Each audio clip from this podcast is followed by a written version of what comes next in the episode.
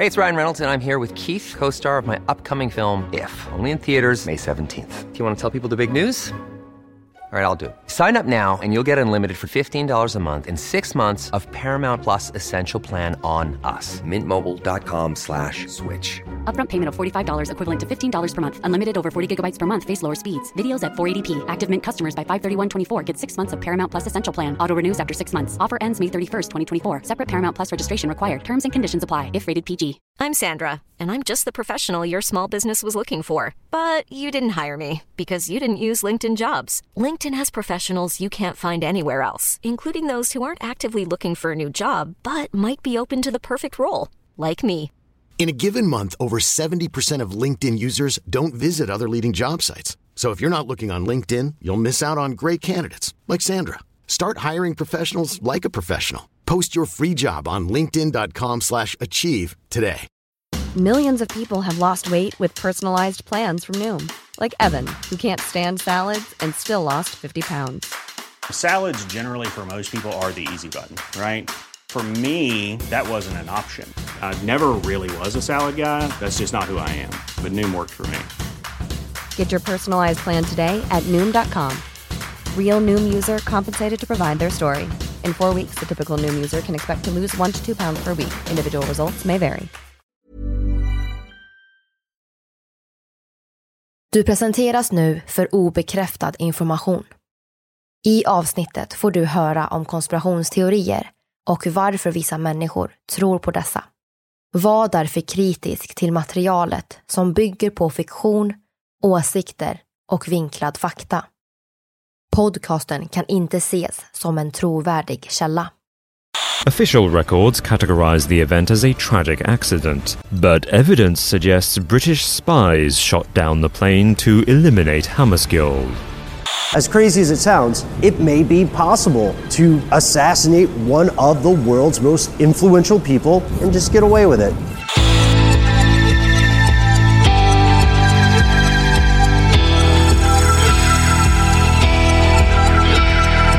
Du lyssnar på konspirationsteorier, en podcast med mig Vivi. och mig Aida. Och det här är en annan sida av historien om den förbryllande flygplanskraschen som dödade Dag Hammarskjöld.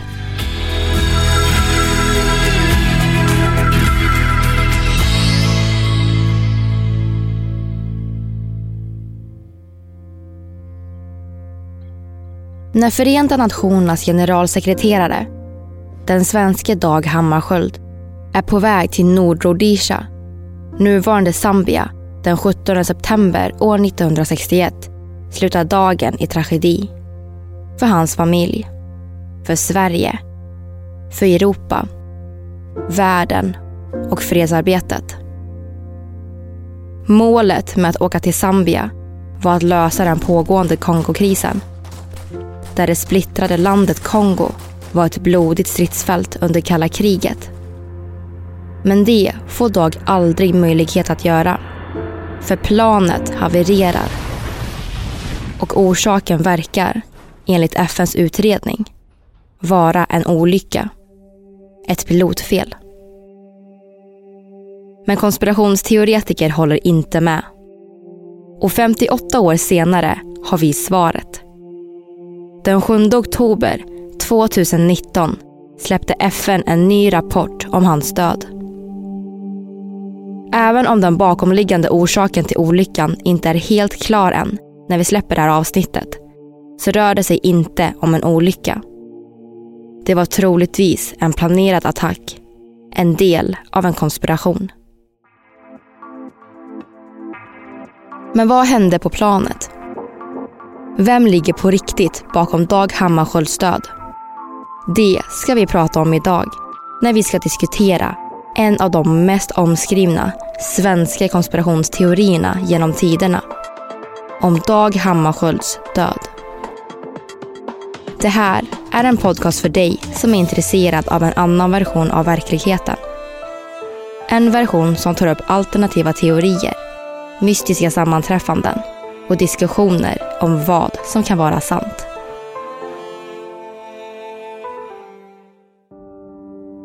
Under början av 50-talet blev svensken Dag Hammarskjöld en av världens mest betydelsefulla personer. Hammarskjöld, en 48-årig nationalekonom, diplomat, adelsman, författare och ledamot i Svenska Akademin tog över en av de viktigaste jobben i världen. Han hade axlat rollen som Förenta Nationernas, FNs, generalsekreterare. Något som företrädaren Trygve Lie beskrev som ett omöjligt jobb. Will you please repeat after me? I, Doug Hammarskjöld, solemnly swear to exercise in all loyalty, discretion and conscience I, Dag Hammarskjöld, solemnly swear to exercise in all loyalty, discretion and conscience. I rollen ingår att hantera det som kan hota den internationella freden och säkerheten. Dag Hammarskjöld hade nu fått det på sitt bord. Att bli en fredsmäklare. Kalla kriget hade satt sina spår och det fanns djupa konflikter i världspolitiken som gjorde jobbet svårt. Eller snarare rent omöjligt. There was at that time, of course, the Cold War at its very coldest, meaning that there was a polarization between the Western Bloc and the Eastern Bloc. And uh, each bloc used the internal chaos to foster their own interests, paying off this party or that party, this tribe or that tribe, so that they rose against each other. Under början av 50-talet var misstankarna, spänningen och motsättningarna ofantligt stora mellan östblocket med Sovjet och västblocket med USA. Men Hammarskjöld skötte arbetet på ett diplomatiskt sätt. Rollen passade honom väl och han blev mycket omtyckt. Han möttes av stor respekt, såg som plikttrogen och gav rollen som FNs generalsekreterare en stark ställning. Flera konflikter hamnade på Hammarskjölds bord under kalla kriget och hans insatser var betydelsefulla framgångar för han själv, men speciellt för FN.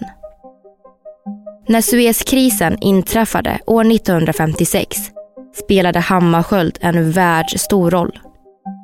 Det var en av de inledande konflikterna under kalla kriget där Israel, Storbritannien och Frankrike anföll Egypten. Hammarskjöld drev igenom om att skicka in en fredsbevarande styrka för att lösa konflikterna och spred fred runt om sig. Han var den som introducerade FNs metod att närvara i konflikthärdar. Suezkrisen var en av flera segrar under kalla kriget för FN och för Hammarskjöld, som vid den här tiden sågs som världens mest betydelsefulla person. FN lyckades bringa fred. FN ställdes inför nya utmaningar när många av kolonierna i Afrika frigjorde sig från det europeiska styret under slutet av 50-talet. Under 60-talet blev 17 kolonier i Afrika självständiga och FN fick många nya medlemsländer. Men de var dåligt förberedda för friheten och saknade oftast utbildning och erfarenhet av demokrati. Vilket resulterade i kaosartade tider. Dag Hammarskjöld tyckte det var viktigt att skydda dessa små stater mot stormakter. De skulle få vara fria. Men det skulle senare göra honom till en måltavla och leda till hans död. En av de kolonier som blev friade var Kongo. Ett land som tidigare varit under belgiskt styre. Kongo, som ligger i centrala Afrika, förklarades självständigt år 1960.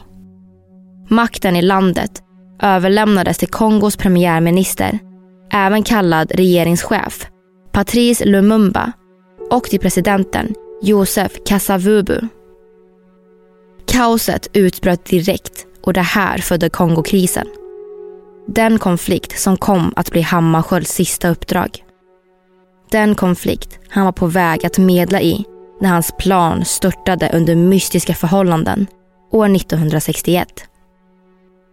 Det som hände när Belgien lämnade Kongo var att det utbröt revolter i olika landsdelar. Presidenten och premiärministern saknade tillit från befolkningen och befolkningen saknade erfarenhet av att vara mer demokratiskt styrda. Det var definitivt på väg att splittra landet. Huvudorsaken till krisen var när regionerna Sydkasai och Katanga, två utbrytarstater, startade uppror och bröt sig ut ur Kongo. Kortfattat var det en fråga om vem som skulle kontrollera dessa mineralrika områden som Sydkasai och Katanga som stod för en otroligt stor del av Kongos nationalekonomi. Både Kasai och Katanga låg i den sydöstra delen av landet Kongo. Och båda staterna var Kongos rikaste regioner. Där fanns det gruvor med eftertraktade mineraler som diamanter, koppar och uran. Dessa var av stort intresse, bland annat av USA och Storbritannien. Det var med uran från Katangas gruvor som USA tillverkade atombomberna de släppte över Hiroshima och Nagasaki i Japan under andra världskriget. USA kunde inte låta Sovjet få tillgång till det. Speciellt inte vid det tillfället då kalla kriget pågick. Upprorsledaren från Katanga hette Moise Tshombe och han fick stöd från Belgien, landet som tidigare kontrollerade Kongo och av deras styrkor.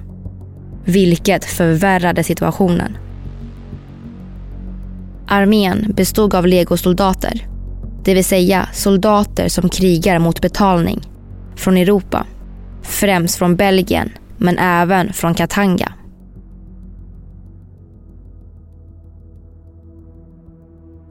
I Katanga bröt oroligheter ut i ett blodigt krig. Premiärministern Lumumba bad FN om hjälp och FN med Hammarskjöld i spetsen ingrep genom att skicka dit sina fredsbevarande styrkor. Strategin som visade sig fungera under Suezkrisen.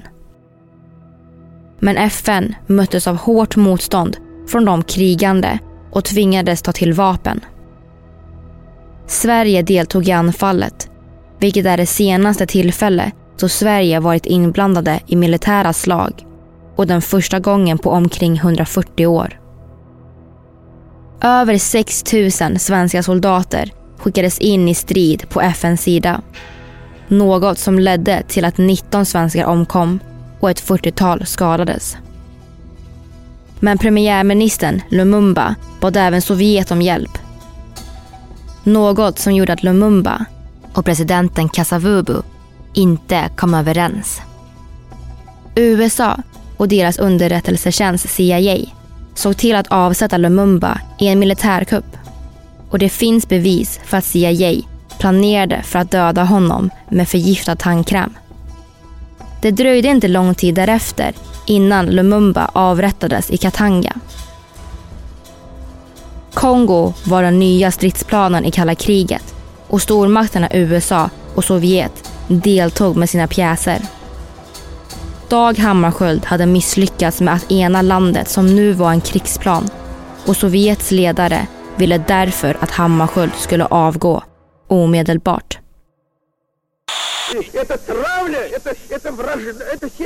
Portrait of Soviet Premier Khrushchev raging at the West. This angry outburst before the United Nations General Assembly invoking the forum's censure. His performance during the session, particularly his blundering campaign against Secretary General Hammarskjöld, apparently bringing resentment from the neutrals, including such influential leaders as India's Prime Minister Nehru. From a representative of a smaller nation, King Hussein of Jordan, escorted to the podium by his aide, comes a vigorous attack on communism along with praise for Dag Hammarskjöld. Här får ni höra Hammarskjölds kända tal som han svarade med. I shall remain in my post during the term of office. It is very easy to resign. It is not so easy to stay on. It is very easy to bow to the wish of a big power. It is another matter to resist. As is well known to all members of this assembly, I have done so before on many occasions and in many directions. If it is the wish of those nations who see in the organization their best protection in the present world, I shall do so again.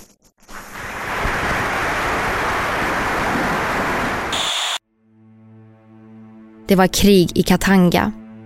En pressad Hammarskjöld insåg att det enda sättet att försöka få stopp på det här var genom att åka och träffa Tjombe, upprorsledaren från Katanga. Den 13 september 1961 kom Hammarskjöld till Kongo som vid det här laget bara hade varit självständigt i ungefär ett år. Planen för Hammarskjöld var att personligen medla mellan de stridande när han reste från huvudstaden Leopoldville i Kongo till Zambia där Tjombe väntade på honom. En resa som vi alltid kommer att minnas. En resa som gör att vi idag har ett avsnitt om Dag Hammarskjöld i en podd om konspirationsteorier.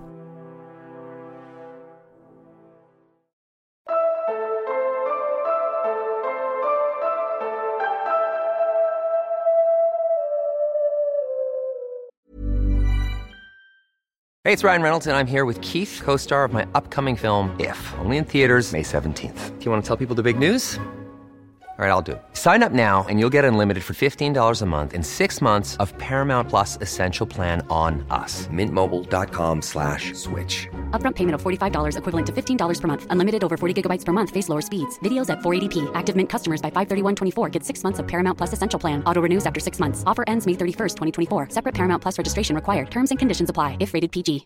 If you're looking for plump lips that last, you need to know about Juvederm lip fillers. With Juvederm Volbella XC and Juvederm Ultra XC, your lip look, whether it's subtle or bold, can last up to one full year with optimal treatment and no additional maintenance. Find a licensed specialist and see if it's right for you at juvederm.com today. That's J U V E D E R M.com. Add fullness to lips in adults over 21 with Juvederm Volbella XC or Juvederm Ultra XC. Do not use if you have severe allergies or a history of severe allergic reactions, or if you're allergic to lidocaine or the proteins used in Juvederm. Tell your doctor if you have a history of scarring or taking medicines that decrease the body's immune response or that can prolong bleeding. Common side effects include injection site redness, swelling, pain, tenderness, firmness, lumps, bumps, bruising, discoloration, or itching. As with all fillers, there's a rare risk of unintentional injection into a blood vessel, which can cause vision abnormalities, blindness, stroke, temporary scabs, or scarring. For full important safety information, visit juvederm.com. Hiring for your small business? If you're not looking for professionals on LinkedIn, you're looking in the wrong place. That's like looking for your car keys in a fish tank. LinkedIn helps you hire professionals you can't find anywhere else, even those who aren't actively searching for a new job but might be open to the perfect role. In a given month, over 70% of LinkedIn users don't even visit other leading job sites. So start looking in the right place. With LinkedIn, you can hire professionals like a professional. Post your free job on linkedin.com slash achieve today.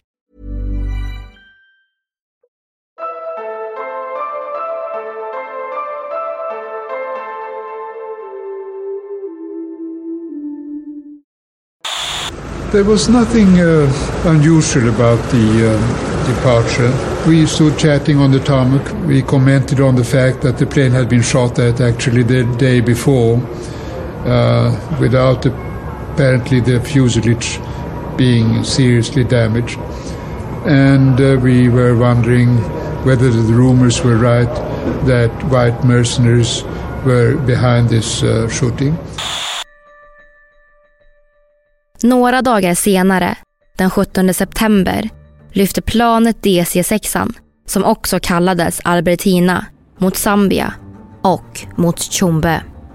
Egentligen skulle Sture Linnér, Dag Hammarskjölds närmsta man och handplockade chef för FNs civila verksamhet i Kongo och som vi tidigare hörde i klippet, åkt med Dag Hammarskjöld till Zambia.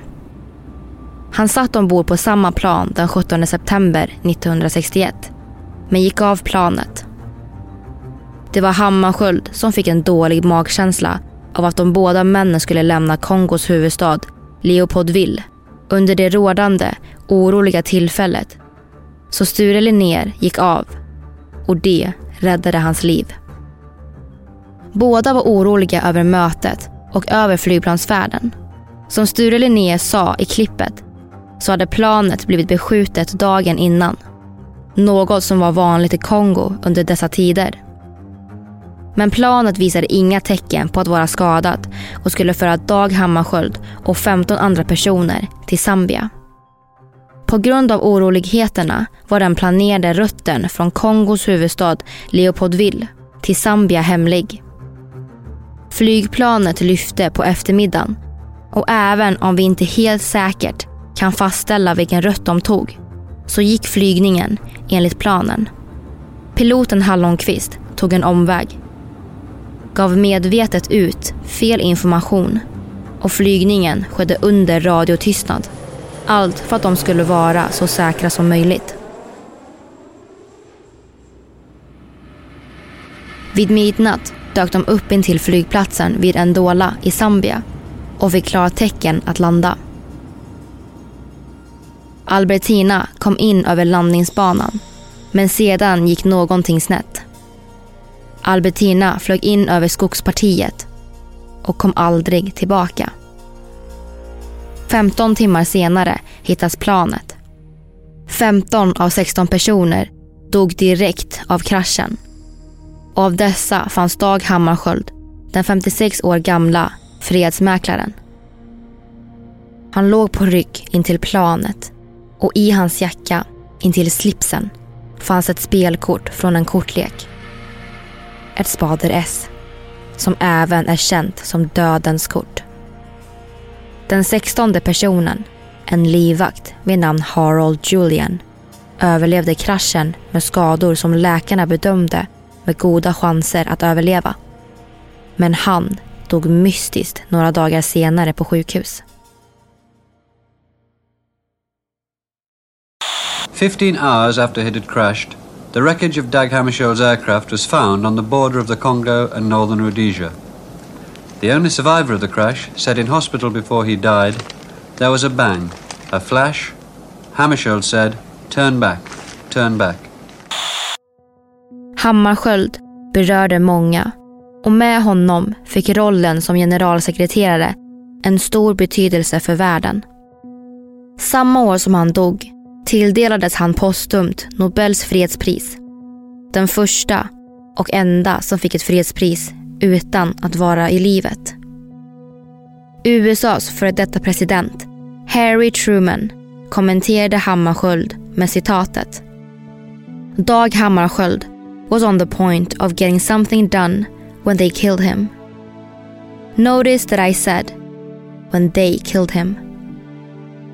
Även John F Kennedy har pratat om Hammarskjöld. Han beskrev generalsekreteraren som the greatest statement of our century och la sedan till In comparison to him, I am a small man. Här hör vi Kennedy prata om Hammarskjöld. In Washington, President Kennedy, who plans later to address the UN General Assembly, voices this tribute. I know that I'm speaking for all of my fellow Americans expressing our deep sense of shock and loss in the untimely death of the Secretary General of the United Nations, Mr. Dag Hammarskjöld. Dag Hammarskjöld's cause, dedication to the cause of peace, his untiring labors to achieve it, his courage under attack, his willingness to accept all responsibility in trying to strengthen the United Nations and make it a more effective instrument for the aspirations of the hundreds of millions of people around the globe who desire to live out their lives, those efforts of his are well known. It is tragic and ironical that his death came during a mission he was undertaking in order to bring a ceasefire in Katanga. När han inte överlevde resan började konspirationsteorierna spridas direkt. Inte bara i Sverige. Hela världen pratade om FNs nyligen avlidne generalsekreterare Dag Hammarskjöld. Varför startades ingen räddningsoperation omedelbart efter kraschen? Eller direkt på morgonen efter? Varför kom myndigheterna till vrakplatsen efter klockan 15 den 18 september, dagen efter kraschen? Varför tog det 15 timmar att hitta ett kraschat plan som bara låg omkring en mil från flygplatsen i Ndola? Kunde Hallonqvist, en erfaren pilot, missbedömt avståndet eller läst av höjdmätaren fel? Varför var Hammarskjölds kropp den enda som inte skadades av elden? Och varför var ett kort från en kortlek instoppat i hans tröja? Som ni hör finns det otroligt många frågor som inte besvarats på över 50 år. Ryktena spreds runt hela världen och har funnits från första stund men har som i många andra fall viftats undan som löjliga konspirationsteorier. Det har gjorts undersökningar efter undersökningar om Hammarskjölds död. Två utredningar gjordes 61 till 62 av The Board of Investigation och The Rhodesian Commission of Inquiry. Båda utredningarna kom fram till att kraschen berodde på pilotfel. Eftersom Storbritannien hade kolonier i Centralafrika så har de varit en del av de initiala undersökningarna. Något som är väldigt relevant i den här konspirationsteorin. Eftersom de initiala utredningarna var så dåligt genomförda finns det nämligen teorier om att det var Storbritannien som täckte igen sina spår. Så vad FN kanske inte visste då var att de undersökningar som togs fram inte bara var dåliga på många sätt utan även rasistiska. De ignorerade flera vittnen och bybor nära kraschplatsen och vittnen har därefter varit rädda för att träda fram. Även genomgången av vrakplatsen och undersökningarna därefter bör vi kanske inte se som trovärdiga och man kan även rikta stor kritik mot dessa. FN följde upp arbetet 1962 med att göra en utredning. Själva anledningen till kraschen var svår att fastställa. I alla fall enligt en rapport som FNs undersökningskommission lämnade den 2 maj 1962. Resultatet blev att de inte kunde utesluta sabotage eller en attack.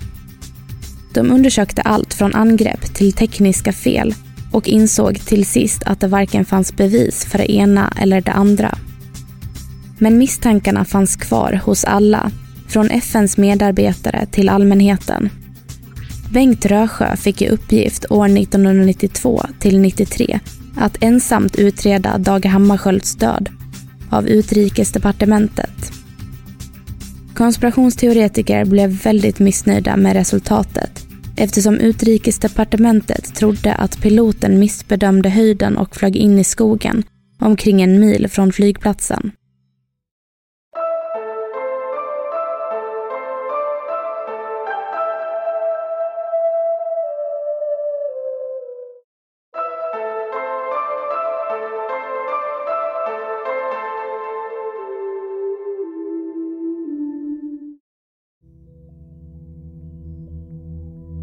Efter det här har vi fått fram fler och fler uppgifter och bevis för att det inte var fallet.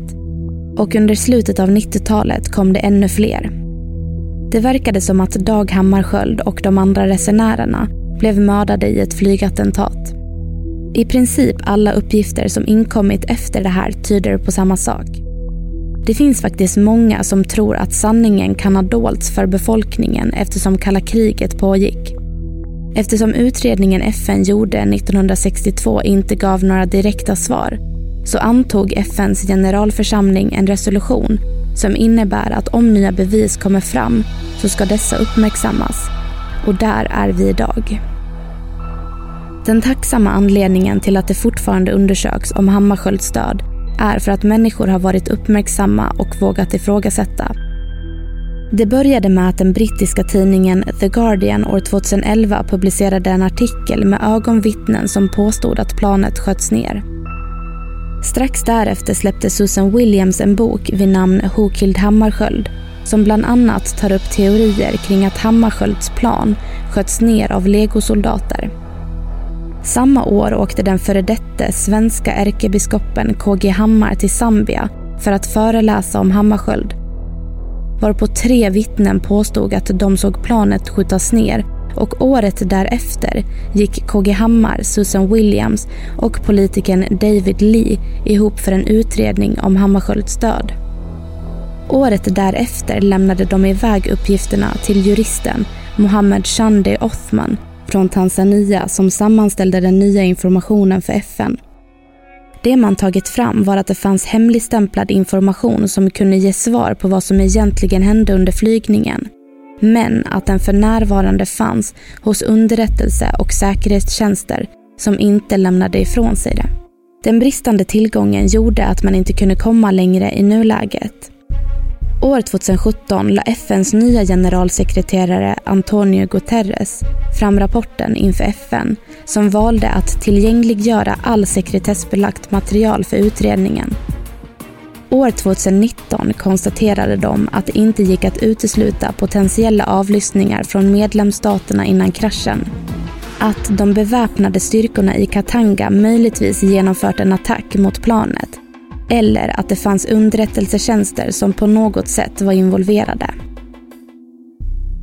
Tanken nu är att FN ska utse en oberoende person som ska fortsätta arbetet med att undersöka vad som egentligen hände. Och längre än så har vi inte kommit än, trots att det nu gått mer än 50 år sedan Dag Hammarskjöld miste livet. Hans död kan vara den största tragedin i FNs historia. Det kan vara ett av de största mysterierna under kalla kriget och vi är närmare än någonsin nu att gåtan får en lösning. Det finns många, bland annat KG Hammar, som aldrig trott att det skulle vara ett misstag av piloten. Många, speciellt utbrytarstaterna, ville se Dag Hammarskjöld död under Kongokrigen. Men ett problem som författaren Erik Åstrand lyfter i boken Konspirationsteorierna och verkligheten är att vi troligtvis aldrig kommer få någon fullständig klarhet kring kraschen, vare sig det är en konspiration eller en olycka. I kapitlet Vad orsakade Dag Hammarskjölds död kan vi läsa om konspirationsteorierna om flygkraschen. Där skriver Åstrand följande. Många av de ursprungliga vittnena är nu döda. Andra är åldriga med allt suddigare minnesbilder och de tekniska undersökningar som gjordes efter olyckan går inte att upprepa. Varför dog han? Och vad har de som trodde att det var en konspiration att säga? Det första vi kan gå igenom är frågetecken som dyker upp hos konspirationsteoretiker redan vid landningen. Flygledaren i kontrolltornet på flygplatsen vid Endola visste att planet hade passerat eftersom kontrolltornet hade gett Albertina klartecken att gå ner för landning. Men Albertina svarade inte på det sista meddelandet, vilket borde ha gett några varningssignaler hos flygledaren. Flygledaren borde egentligen ha larmat om händelsen direkt, men valde av mystiska anledningar att inte göra det förrän omkring en till två timmar senare, vid cirka klockan 03 på natten. Sen gick han hem. Om det var ett misstag så var det verkligen ett av flera. Det finns ingen inspelning av radiokommunikationen i Albertina Därför kan vi inte veta exakt vad som hände. Det som har hittats är flygledarens anteckningar. Men många tror inte att dessa är sanningsenliga. Kommande dag den 18 september 1961 gjordes det flera till. Även om många indikerar på att lågorna från planet borde ha synts i nattens mörker så verkar det som att kontrolltornet trodde att Albertina flög vidare. Morgonen efter larmades det att Hammarskjöld och planet var borta. Men inte förrän 15 timmar senare, klockan 15 på eftermiddagen den 18 september fann de planet. Återigen kan vi diskutera hur underligt det här är. En så viktig person för världen försvann i 15 timmar innan de hittade honom. Hur kan det ens vara möjligt? Vi börjar direkt med en avlyssning från marinpiloten Charles Southall från natten mellan den 17 och 18 september 1961 i Cypern på NSAs avlyssningsstation. Där och då kunde nämligen Charles och hans kollegor höra mycket underliga meddelanden i luften över Ndola. Enligt Southall sa piloten i planet följande, som vi har återskapat. I see a transport plane coming low while the lights are on. I'm going down to make a run on it. Yeah, it's the Transair DC-6. It's the plane. I've hit it. There are flames. It's going down. It's crashing. Här har vi Matt från den amerikanska podcasten Stuff They Don't Want You To Know som menar att det finns ännu fler röda flaggor från den förbryllande flygningen. And they add up. And it turns out there probably was a second plane there. In fact, it turns out that the plane crash might have just been a second plane shooting a missile and shooting the other plane out of the air. So the next question is motive. Why would somebody do this? Den första röda flaggan handlar om ett potentiellt annat plan som flög in till Albertina. BBC tar i artikeln Dag Hammarskjöld var hans död en olycka eller konspiration upp Göran Björkdal som identifierat 12 vittnen som alla har sett händelsen. Teorin är att planet förföljde Albertina för att förhindra att fredsförhandlingarna skulle äga rum. Kanske var det ett belgiskt plan som såg sina chanser att få mer och mer inflytande över Kongo igen. Det mindre planet kanske väntade in att de skulle flyga förbi för att sedan följa efter. Det kan de ha gjort genom att ha avlyssnat radiotrafiken och hört konversationen vid landningen. Kanske var tanken att döda Hammarskjöld och alla ombord. Men frågan är varför gärningsmännen valde att göra det här med vapen och inte med till exempel en bomb eller något liknande. En annan teori är att gärningsmännen valde att skjuta mot Albertina enbart för att skrämma dem. Och det gjorde att Hallonqvist tappade kontrollen och flög in i träden. En tredje teori är att det mindre planet kanske försökte tvinga Albertina att inte landa i en dola, utan på en annan flygplats. Det finns en teori om att planet som sköt ner Albertina är belgiskt eftersom Belgien bistod Katanga med legosoldater i krigen. Enligt många konspirationsteoretiker sägs piloten vara Jan van Risseghem, en legosoldatpilot. Några fler svar från honom kan vi dessvärre inte få eftersom att han dog år 2007. Han förnekade givetvis anklagelserna genom att påpeka att han var på en annan flygning under tiden för Hammarskjölds död.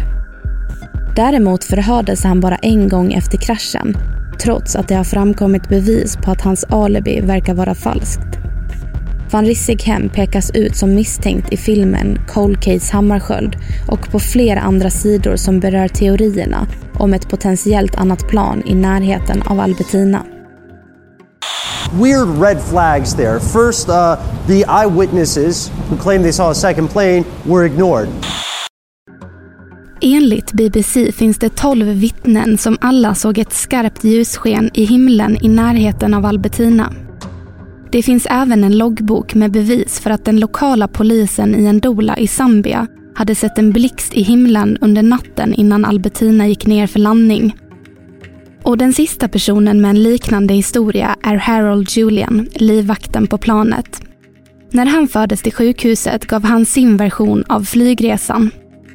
Det han berättade var att Hammarskjöld sa “Go back” följt av en explosion. Man avfärdade hans vittnesmål som jidder eftersom att han var yr efter kraschen. Han pratade också om “sparks in the sky” vilket de inte tyckte lät trovärdigt.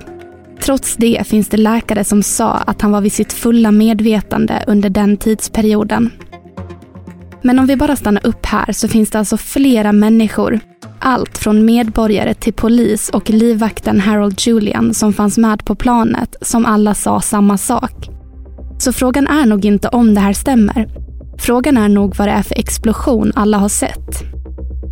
Men de afrikanska vittnena bedömdes inte som trovärdiga på grund av att medborgarna tydligen saknade expertis om luftfart, hade begränsad utbildning och var mottagliga till att bli politiskt manipulerade att säga emot Rhodesias utredning av kraschen som menade att det var pilotfel. Inte heller ska det ha funnits tolk på platsen och gjorts enorma skillnader mellan europeiska och afrikanska vittnen där det bara var de europeiska som bekräftade att det var en olycka som togs på allvar. Människors härkomst har alltså påverkat den här utredningen, kanske ofantligt mycket. Det här menar också Susan Williams, författare till boken Who Killed Hammarskjöld, som menar att utredningen präglades av rasism. Second, of the 16 people on the plane who all died, one could have survived, but instead was taken to a hospital and left to die. like no medical treatment. I planet så fanns det en person som överlevt kraschen.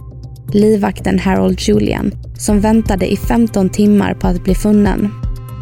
Innan hans död tog han upp saker som stödjer att det här var en konspiration.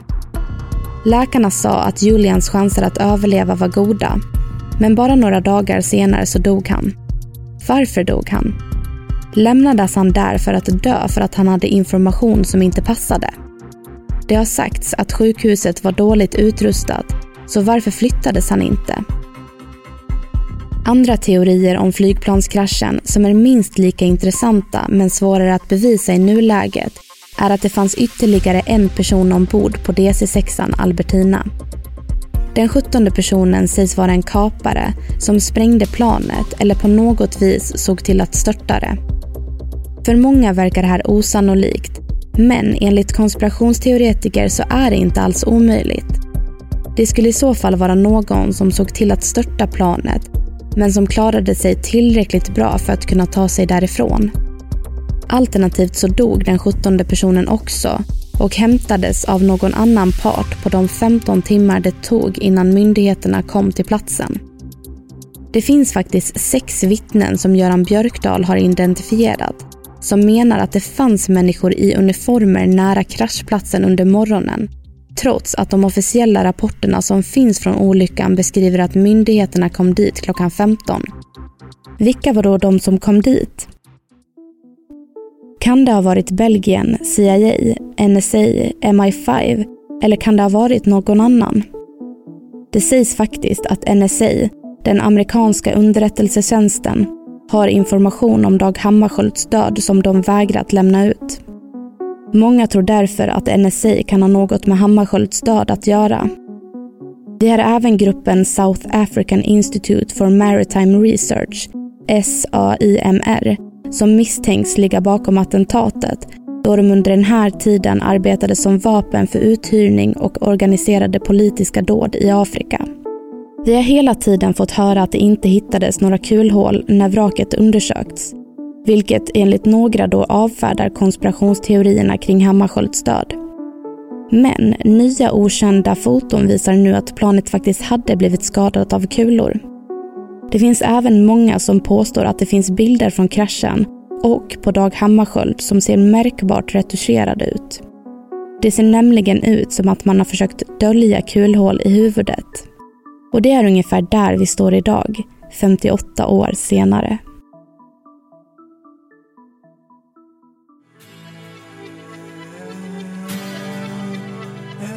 Ni har lyssnat på podden Konspirationsteorier, avsnittet om Dag Hammarskjöld som gjordes hösten 2019. Källorna till dagens avsnitt finns på Facebook.